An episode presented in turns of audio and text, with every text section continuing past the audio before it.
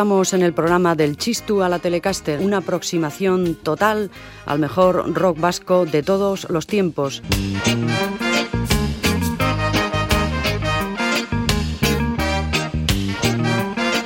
Por fortuna, desde el 80 todos los años han sido buenos para el rock vasco discográficamente hablando, pero 1990 fue especialmente bueno.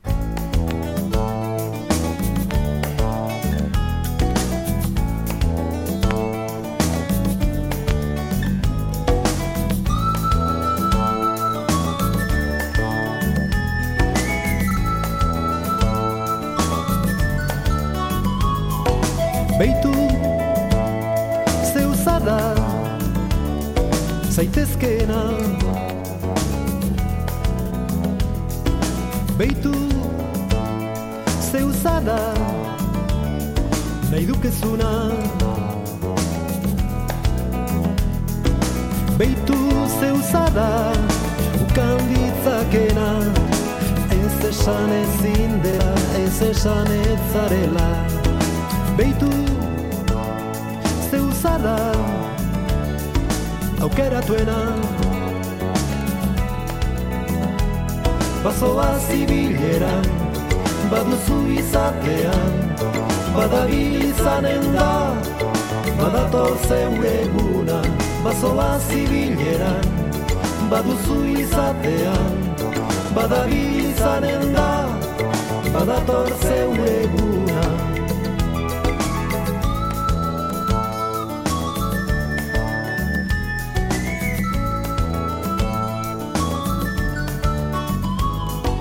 Beitu zeuzada baliotsuena. Beitu zeuk duzu etorkizuna. Beitu zeuzada maite korrena. Ari da geldirik ez da hori da behar duzuna. Beitu zeuk duzu askatasuna. Bazoa zibileran baduzu izatean Badabil izanen da badator zeure eguna Bazoa zibileran baduzu izatean Badabil izanen da badator zeure eguna. Ez gehiago egunik eguzkirik gabe Egina izanen da espero duzuna. Izpi bat bihotzaren barne Mugitzen ari da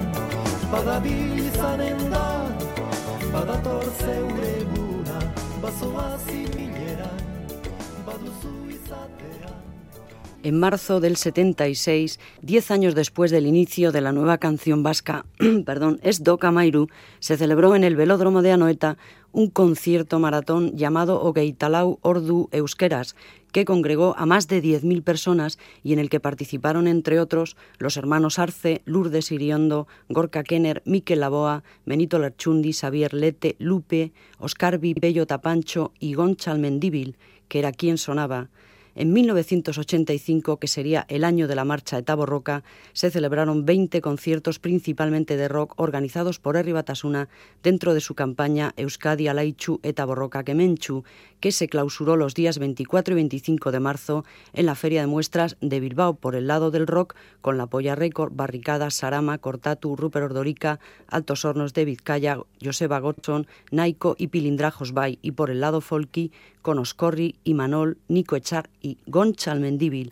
O sea que Goncha Almendíbil había recorrido un largo camino que le había llevado musicalmente hablando del estoicismo de cantautor a la exuberancia armónica y melódica de su disco Suseu, editado en 1990 por IZ.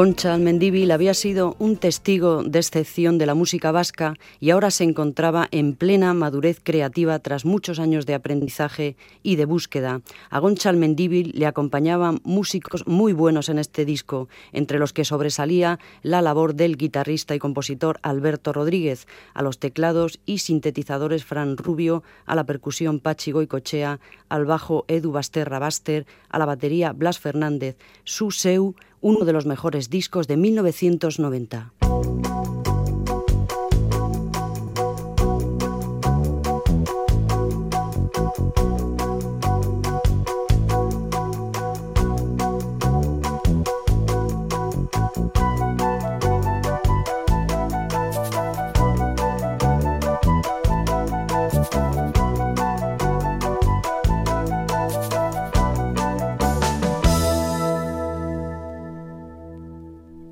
Da hiri beltzean kaleak isilan dira Gaua da eta katuak miaukak kantoetan Mamu bat agertzen zaita metxaren itzala.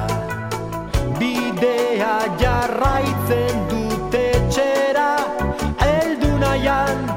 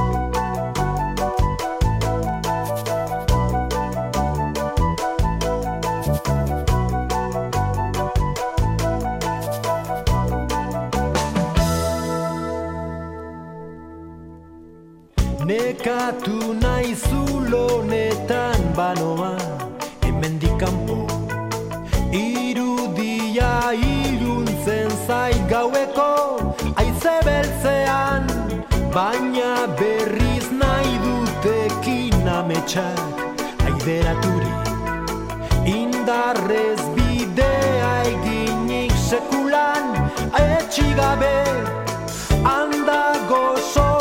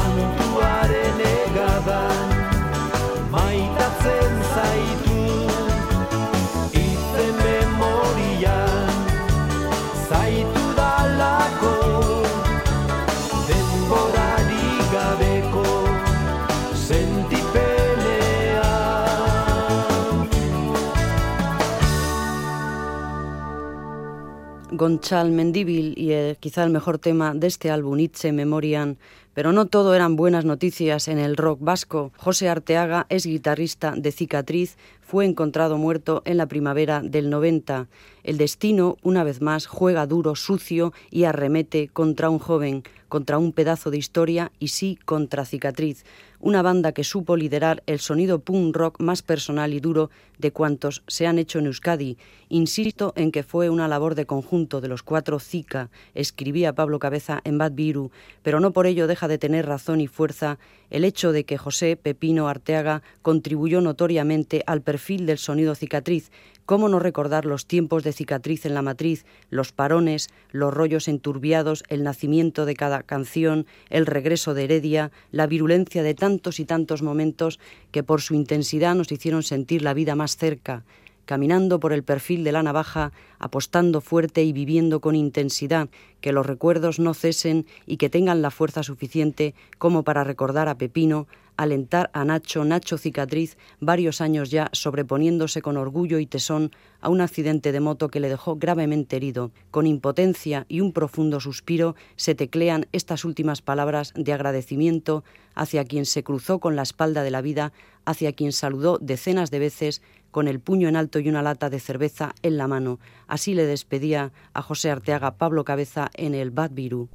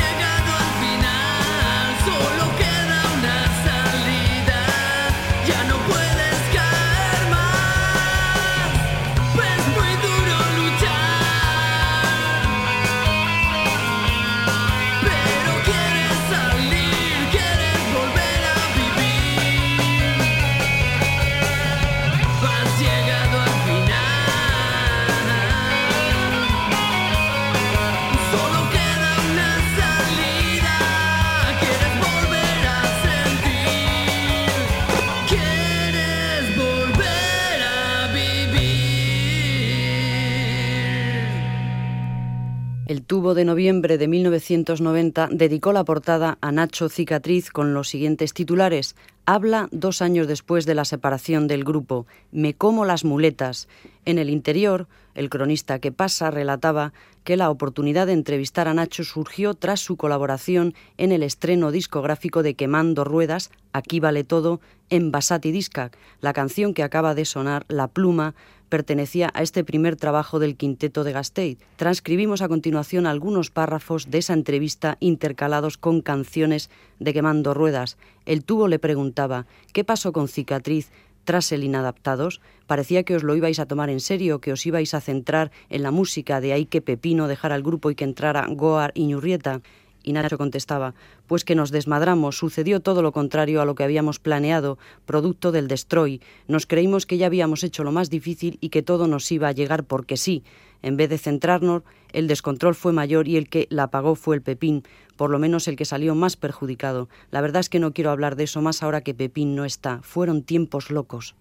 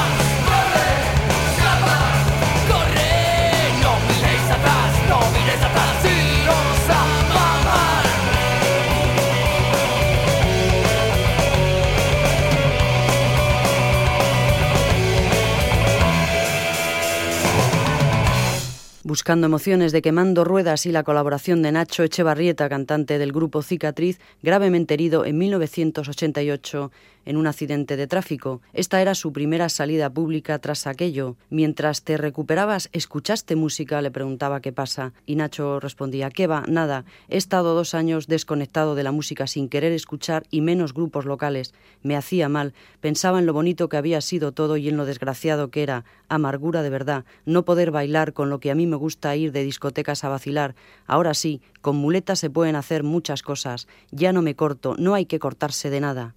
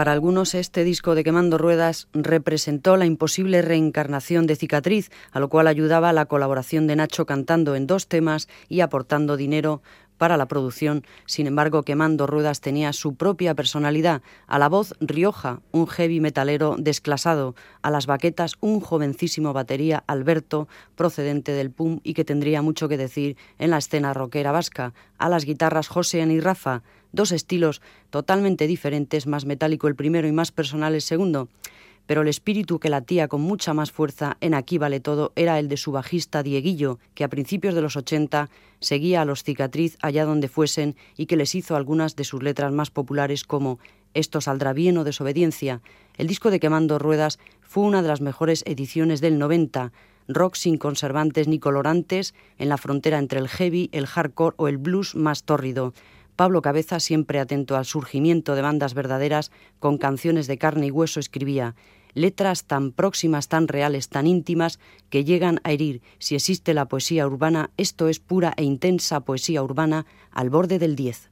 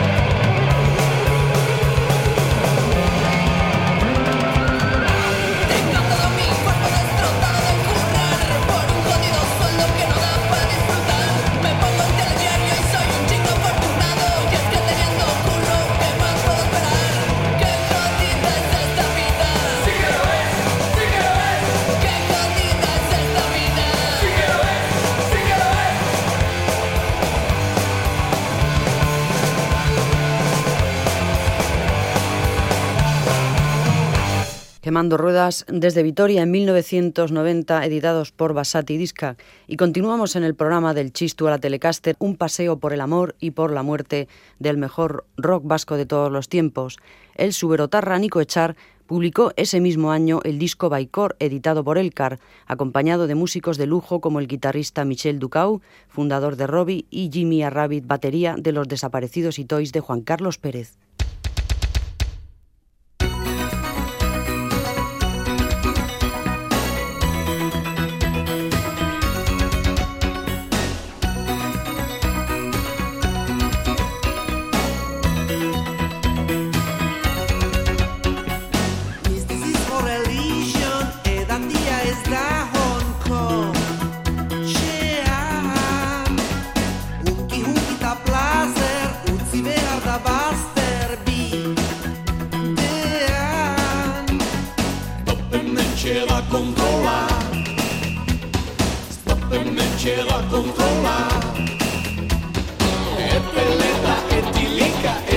cuenta etelika lica Este, tica, abre maletero Militantes moames, bai gordez de gozaia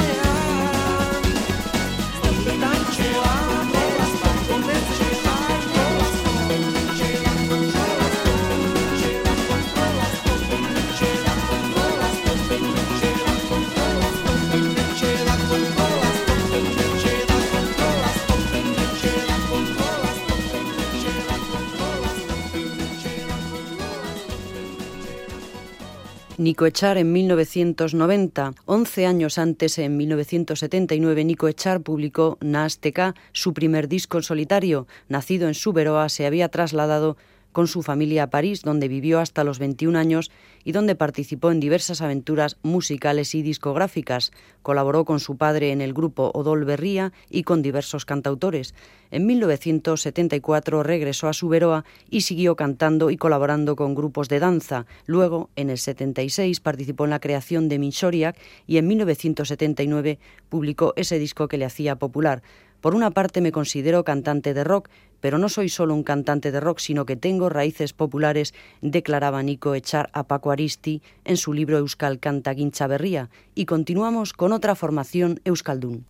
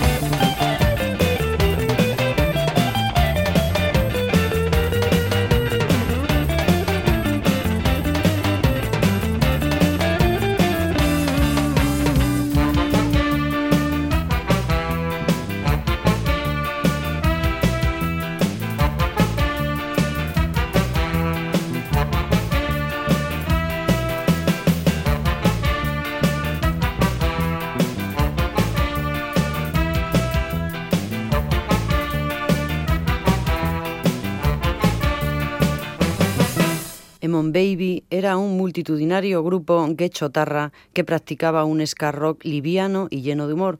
Su primer álbum, editado por el Aula de Cultura de Guecho, se llamó Mesías Berriac. Nuevos Mesías, lo vuestro es la humilía, enganchados al micrófono, una sonrisa procaz quedándote con las fans. Qué mito viviente. La fe del ser humano es la panacea de los impostores. Félix Agüero, cantante de Emon Baby, moriría en un accidente de montaña un año después. Y de Guecho nos vamos a Pamplona. Allí los Taures Zurdos sacaban su segunda entrega discográfica, Tauría, que incluía una excelente versión de un tema de David Bowie.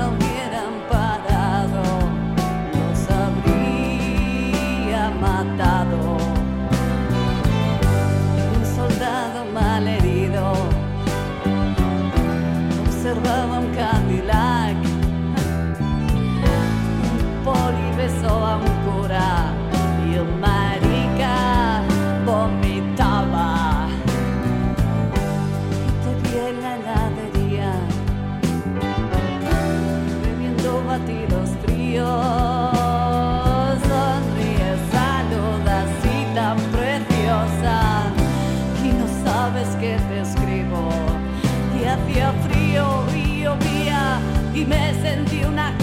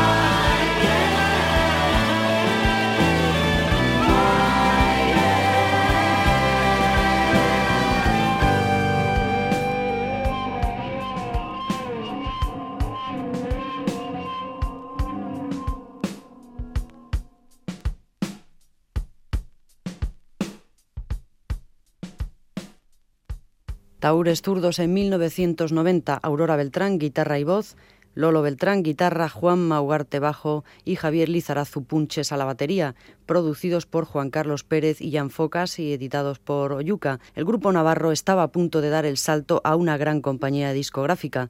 A las multinacionales ya les había llegado la onda de que una rubia guitarrista lideraba una banda sólida como una mesa de casino. El batería Punches había formado parte del grupo Mugre de Burlada a finales de los 70 y el bajista Juan Mogarte, por su parte, estuvo en minoría agraria de Tudela. El guitarra Lolo Beltrán era hermano de Aurora y no había tocado anteriormente ningún grupo, pero se había pasado media vida con la guitarra entre las manos.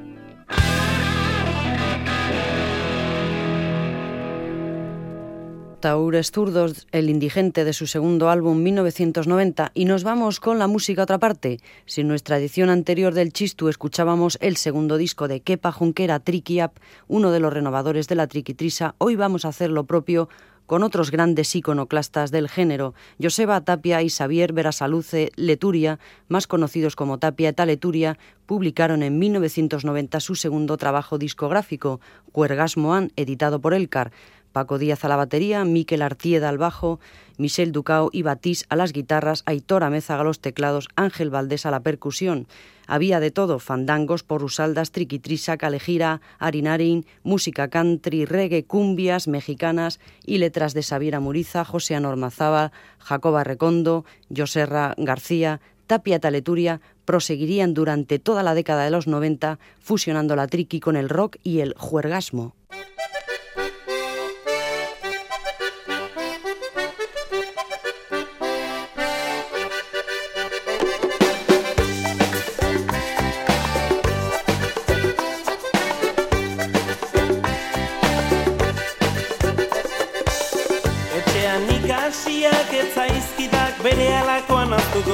Badakik nahi ta ezin jokerra izan eta zuzen zen gaitza.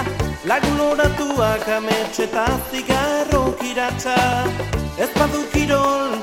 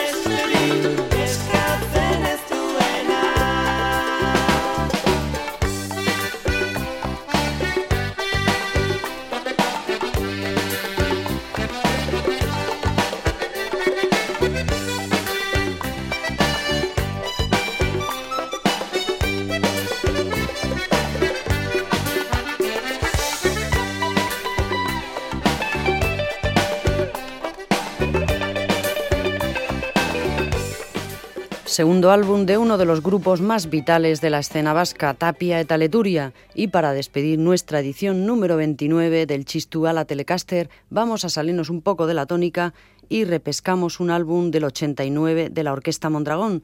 El grupo de Javier Gurruchaga grabó su primer disco en el 79, Muñeca Hinchable, luego Buen Voyage, el doble en directo Rock and Circus, Los Caballeros las prefieren gordas. Año tras año la Mondragón había ido ganando en contundencia y perdiendo en corrosividad. Había dejado de ser una banda de rock para transformarse en una verdadera orquesta con un sonido hiperproducido y con algunos de los mejores instrumentistas del momento entre sus filas. Y esto fue todo por hoy. En el control Xavier Machain, al micro Elena López Aguirre.